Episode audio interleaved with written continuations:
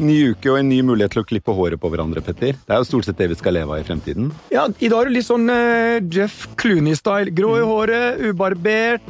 Ganske relaxed, men ganske kul. Takk skal du ha. Ja, Så nå, eh, nå må, liksom, vi dra på litt her. Jeg tror både du og jeg egentlig kunne trengt oss en tur til frisøren. Og det er nok av frisører i Norge. Ja, Du mener ikke du kunne trengt deg det? Jeg har vært hos frisøren, men eh, altså, at du skal fremstå som sånn der Jan Thomas nå, som sånn der, det, er- altså, det er bare å ta et raskt blikk på det, sånn at her er du helt ukvalifisert uttale. Ja. Ja. Men eh, Kanskje, kanskje vi skal gå på dagens tema? Kanskje vi skal gå på dagens tema. Vi, eh, det, er jo, det er jo sånn at tjenestesektoren utgjør en stadig større andel av eh, verdiskapningen i Norge. En god del er fremdeles råvare, særlig fisk og oppdrett. Og så er det noe industri igjen, men stadig færre industriarbeidsplasser. Selv om mange liker jo å tro at Norge er en industrinasjon fremdeles. Der ringer telefonen til Petters. Det, det var min eks. Det var din- er en- Noen telefoner tar man alltid. Ja. Men eh, nei, du Må ringer deg tilbake, er i en pod. Gunhild, vi snakker! Nei, det er XX. Det var X, første X. Ja, vi går videre. Dette var Ingrid, min første X, ikke den andre X-en. Okay. Ja. Men uh, Det er forskjell på X2 og X1. går det bra med dem begge? Det går superbra med begge, og det går bra med Märtha. Ja. Da går vi videre. Nå eh, switcha du gamle redaktøren til sånn mer sånn tabloid Se og Hør-style. Fortsett med resonnementet. Ja, jeg Hvor var jeg nå? prøver å tenke en tittel her, men eh, kom ikke på en. Ja, men eh, eh, vi har jo to i studio som representerer Å oh, nei, nei, nei, nei, du slipper ikke så lett. Um, jeg har jo for første gang i historien fått litt hjelp i min research av hva den eh, legendariske redaktøren Per Valebrokk har sagt om norsk industri. Ja. Og jeg liker å gå tilbake i tid, så jeg går ikke langt tilbake. Går til begynnelsen av 2011.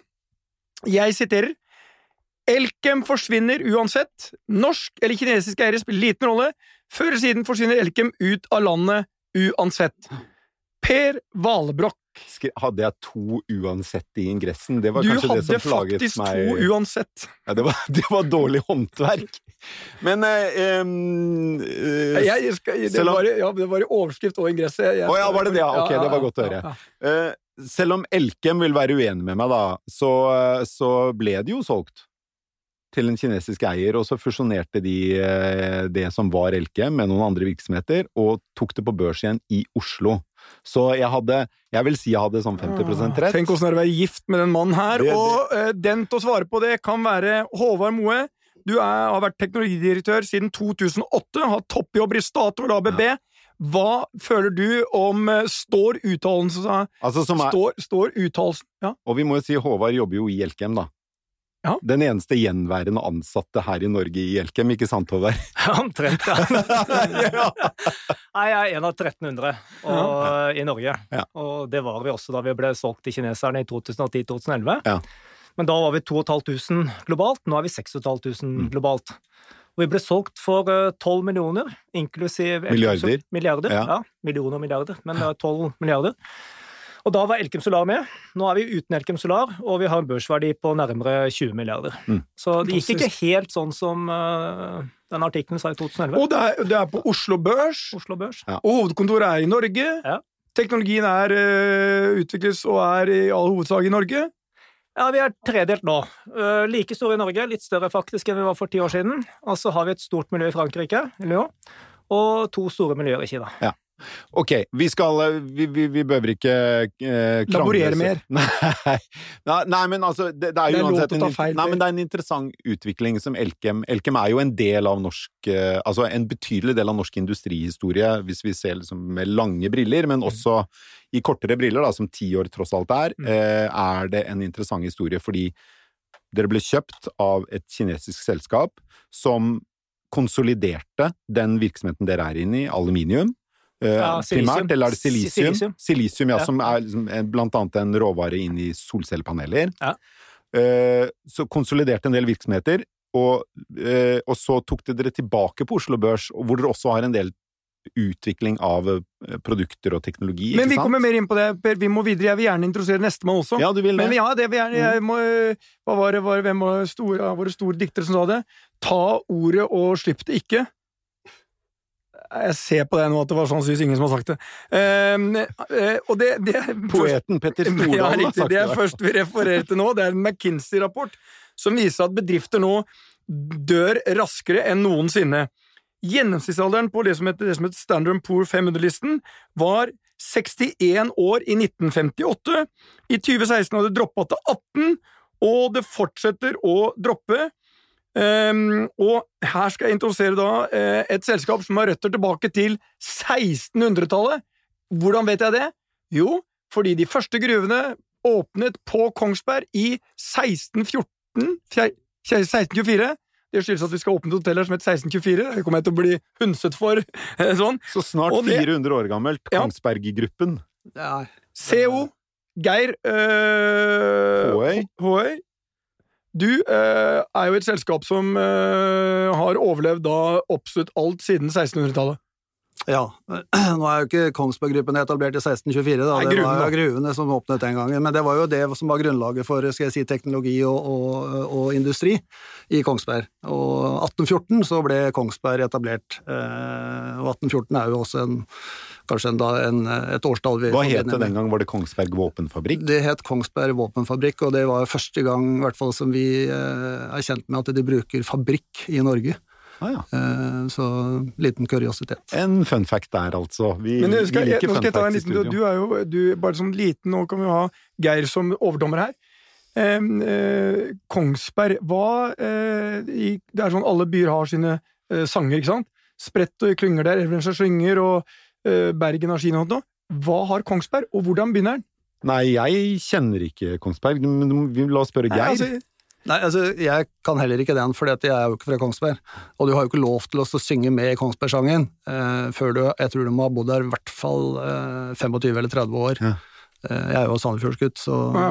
jeg kommer ikke til å få lov til å synge den sangen. Men, du, er det sånn at Kongsberg-gruppen uh, har jo mye virksomhet i Kongsberg, eller har det hovedkontor i Kongsberg fremdeles? Eller er det uten, i, utenfor Oslo? Nei, nei altså, jeg liker ikke å kalle det hovedkontor, eh, men eh, store Fordi det er altså ikke Kongsberg? Jo, store deler av ledelsen sitter der. Mm. Eh, og det er jo der skal jeg si, opprinnelsen var. Men det er klart, vi er etablert veldig mange steder i Norge, fra sør og, og til nord. Mm. Men det er Kongsberg som liksom hovedsete for, for, ledelsen, og så sitter vi litt i Horten, vi sitter litt i Trondheim, Tromsø.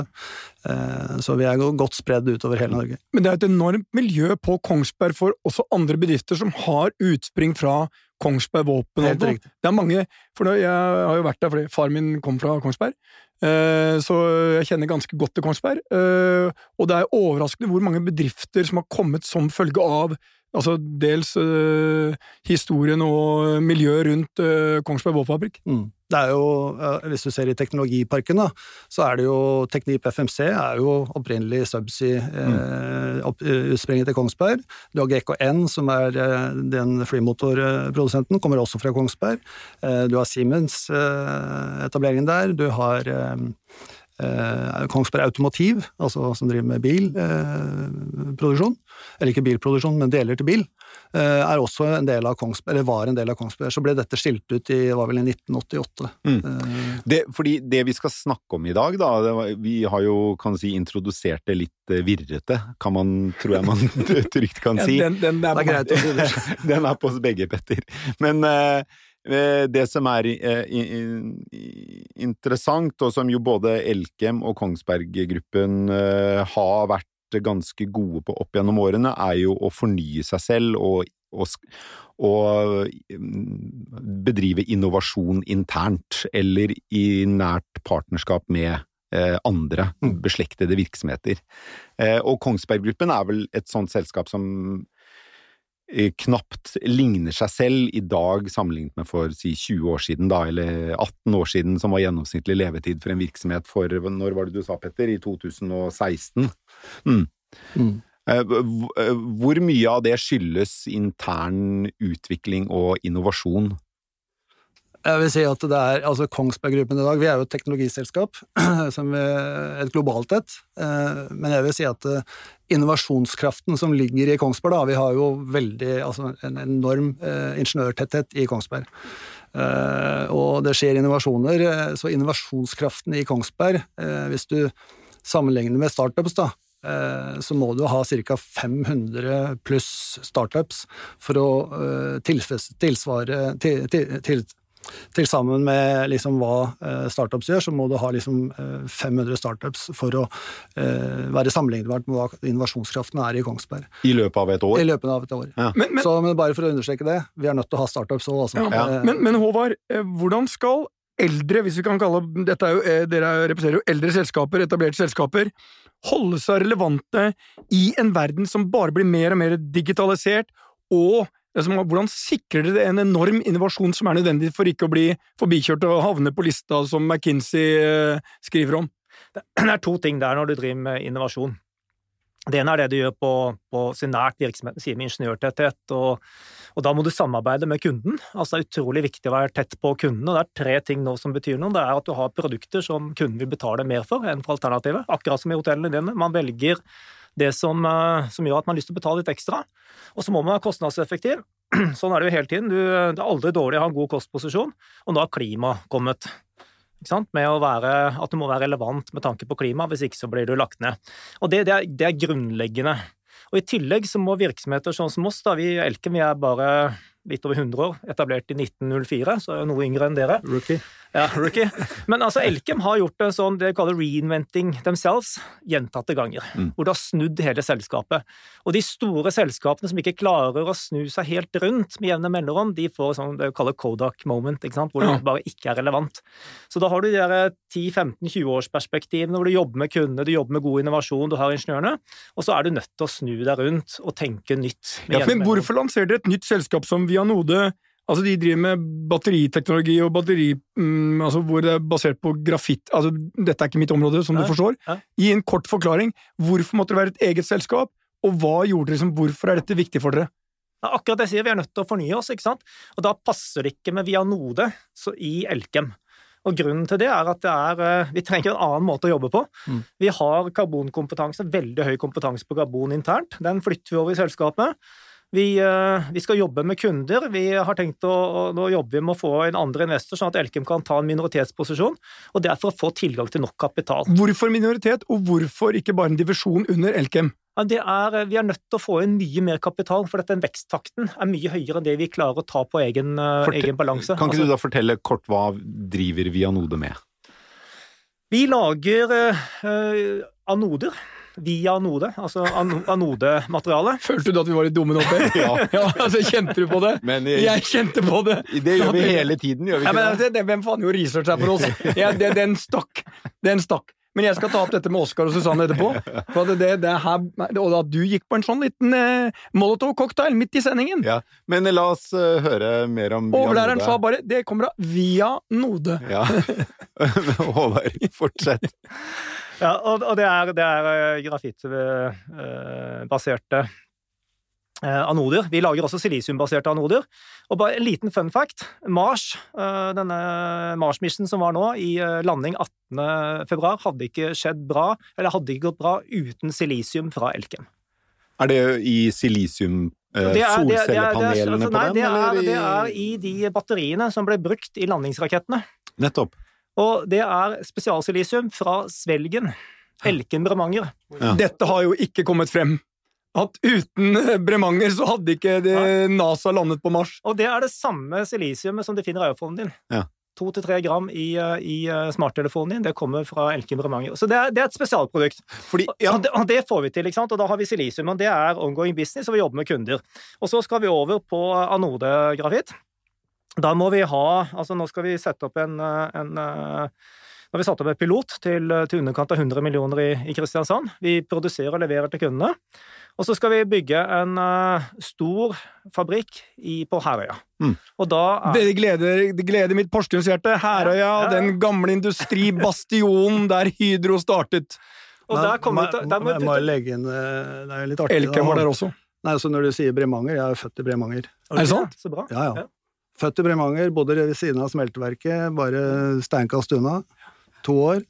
Uh, og vi er også sammen på Mars, for Kongsberg er også Ja, på Mars. ja, bra. Men det er godt, for hvis ikke så hadde du angra på at du flytta fra Bremanger. Ja.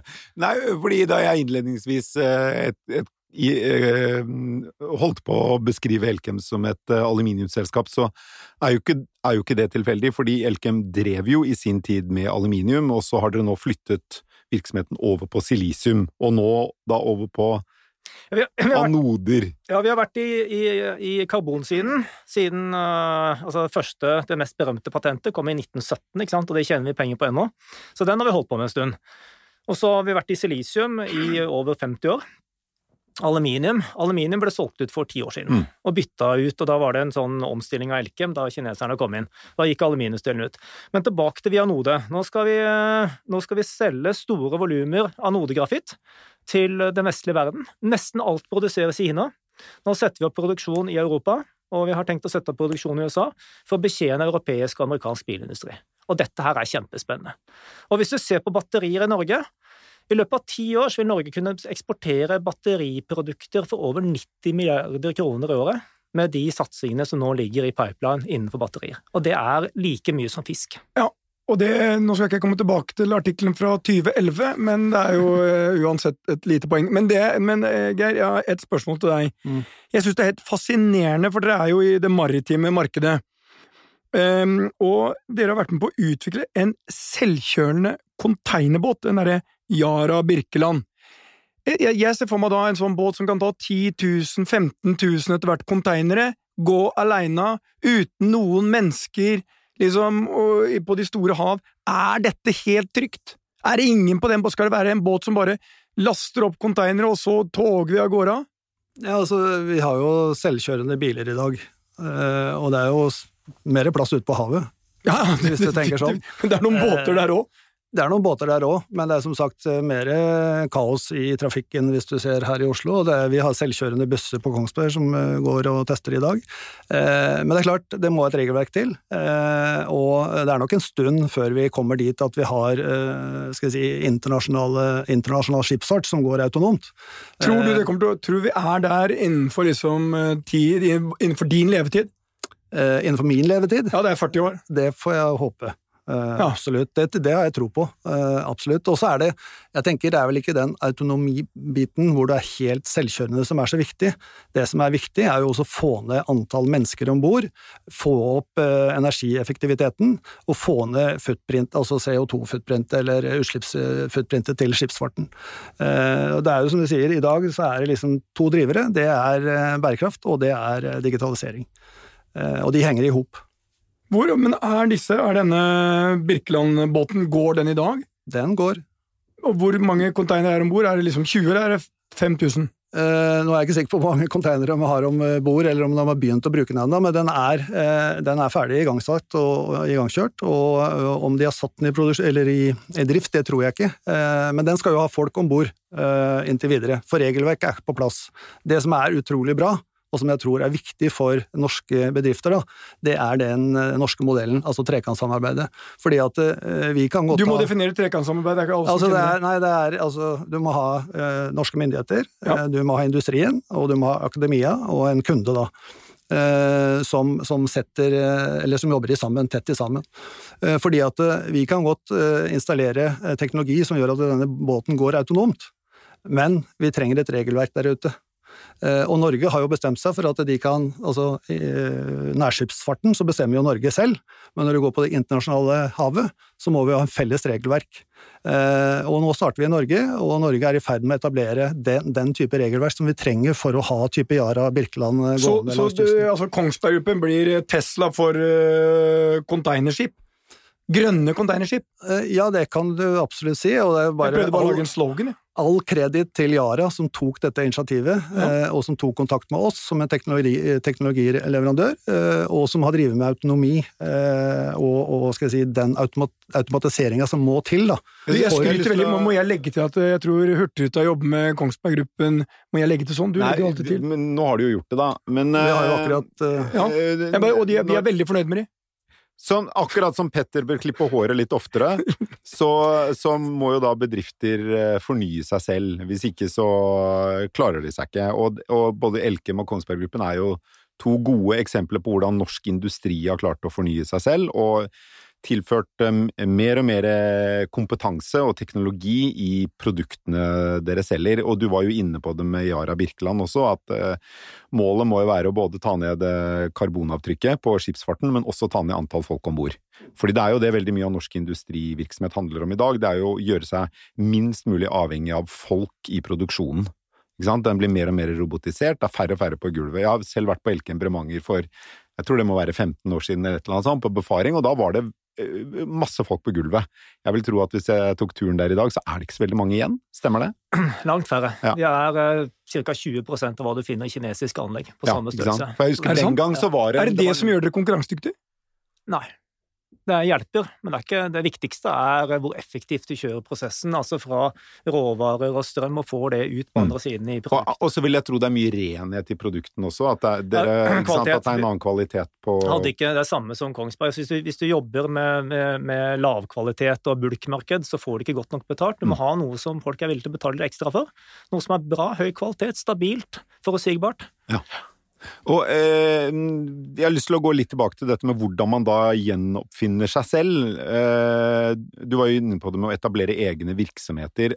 Har dere, opp, har dere selv vært involvert i innovasjon internt som har lyktes godt uten at man skiller det ut som en egen enhet med et eget resultatansvar og en egen ledelse? Absolutt. Vi har mange sånne eksempler på store produktvolumer hvor vi har satt opp et par fabrikker, nye fabrikker, men da er det innenfor eksisterende business, ikke sant? Ja, da, du... da, er det, da, er det, bare mer av det samme, men på en litt annen måte? Ja, altså vi kaller det en teknologiplattform da, hvor du har et produkt. Altså nå leverer vi til uh, altså silikon, som er uh, si silisium, men da som har blitt en gummiblanding. Det leverer vi til elbilindustrien. Mm. Og da, da, er det, da, er det, det som går inn i batteripakkene, sånn at ikke de skal bli for varme eller for kalde. Og det, Nå har vi en fabrikk i Nord-Amerika og en fabrikk i, i, eh, Shanghai som produserer dette her.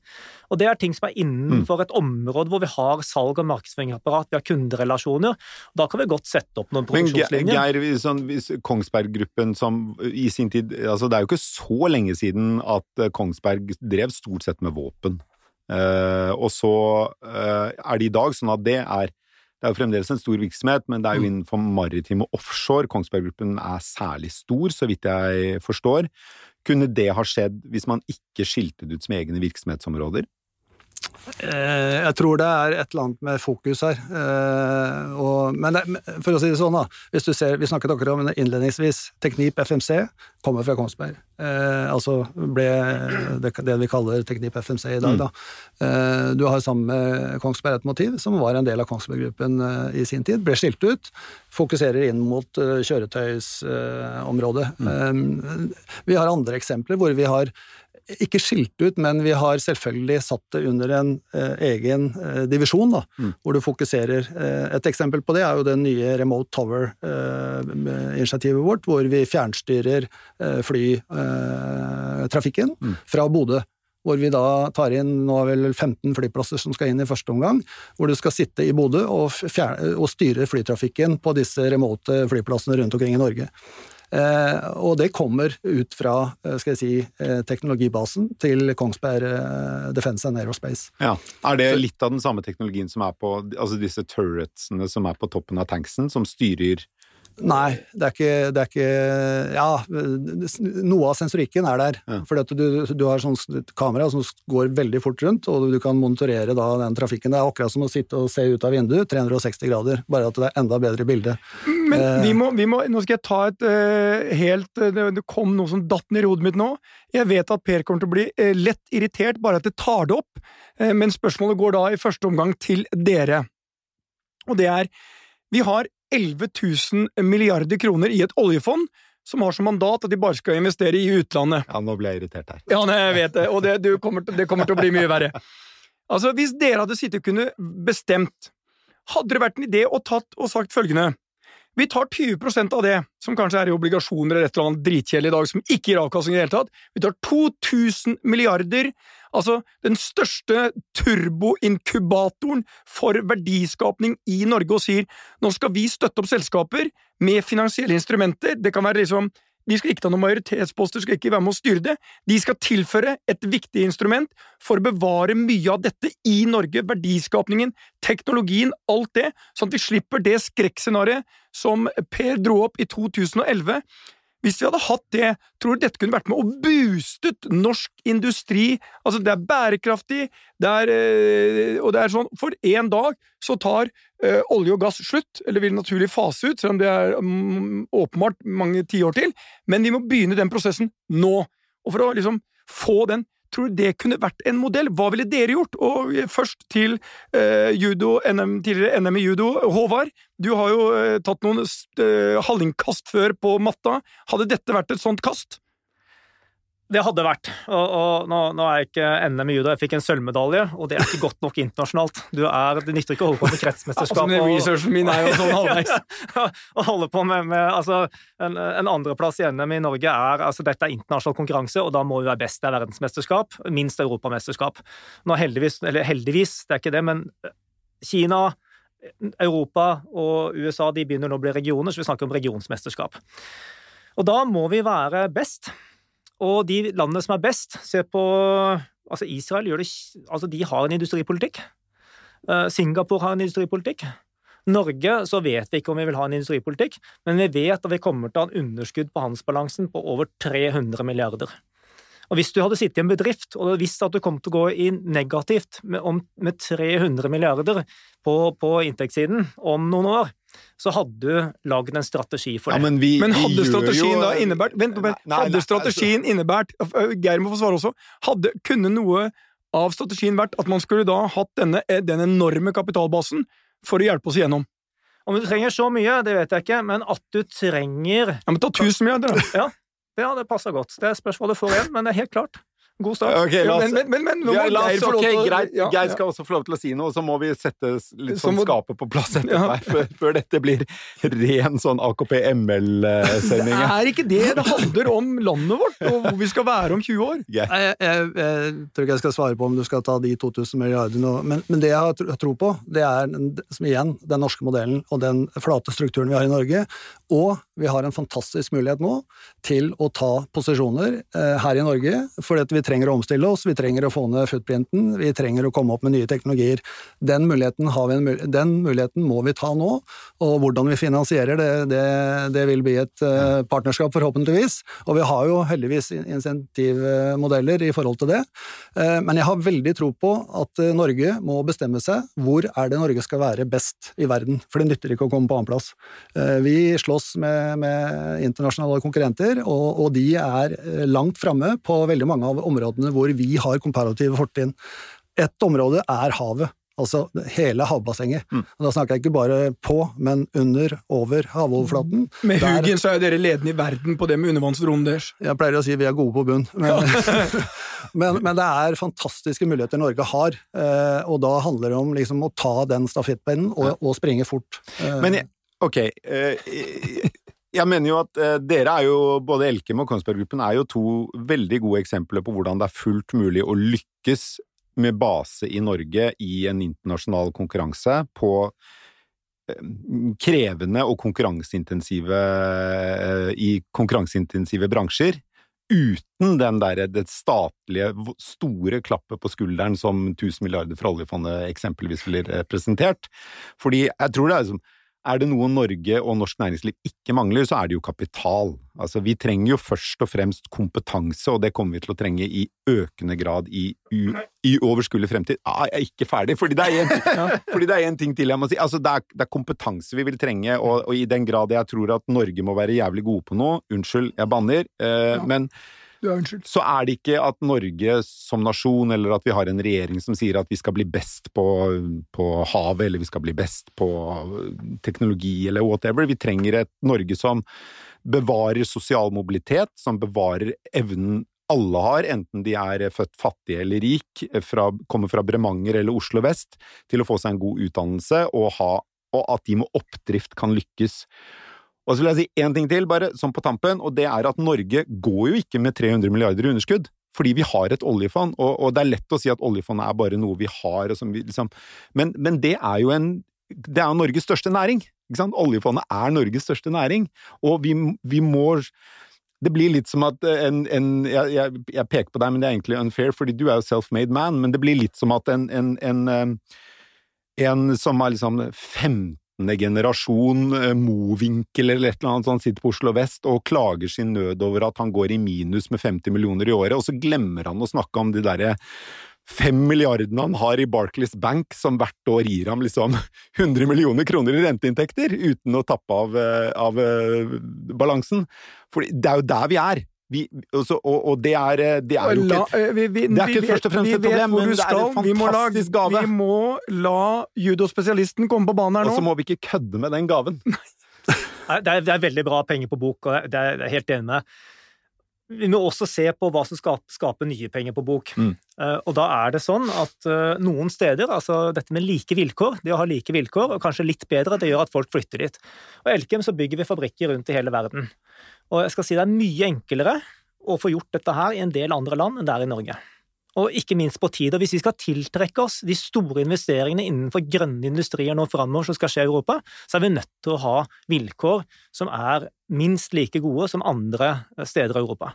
Og Det første er dette med vertskapsattraktivitet. Få på plass tomter, få på plass infrastruktur, få på plass et kraftnett, få på plass havner, sånn at vi faktisk kan være en del av økonomien. Og der har myndighetene et ansvar.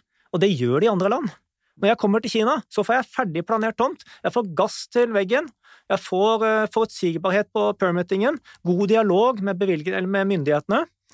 I Norge så er det langt mer krevende å nå fram, og det har jo regjeringen sett. Altså Høyre kommer på banen nå med en sånn fast track-løsning nettopp fordi de ser at vi er ikke like gode i Norge som vi er i en del andre land. Men jeg må jo si takk og lov at vi er ikke er like gode på dette som i Kina, fordi der er det jo veldig mye subsidiering òg. Petter? Ja, vi er i ferd med å nærme oss slutten, og nå skal du få lov til å summere opp dette lille industrieventyret vi har vært med på i dag. Eh, og nå kan du rette opp eh, uttalelsene fra 2011. Nei. Ok, Da skal jeg sitere meg selv fra 2011, som jeg avslutter kommentaren med. Norge behøver ikke frykte tap av industriarbeidsplasser. Fremtiden blir først dyster den dagen vi mister tiltakslysten. Det syns jeg egentlig er ganske greit oppsummert. Altså, jeg visste han fatt et eller annet. altså, det er så pretensiøst å sitere seg selv. ja, ja, og spesielt med tanke på Jeg hadde egentlig rett. Det minte meg om min gamle far, som alltid hadde et eller annet bibelsitat på plass ja. for, eh, som rettferdiggjorde hans egne uttalelser. Rett eller galt, Per, det er en sann glede å stå her med deg. Jeg lærer noe hver gang. Tusen takk til Håvard Mo, som sørget for at mine ord blir brukt mot meg gjennom 30 minutter. Det er veldig bra, Håvard. Eh, Håvard Mo i Elkem, og tusen takk til deg, Geir Håe i Kongsberg Gruppen.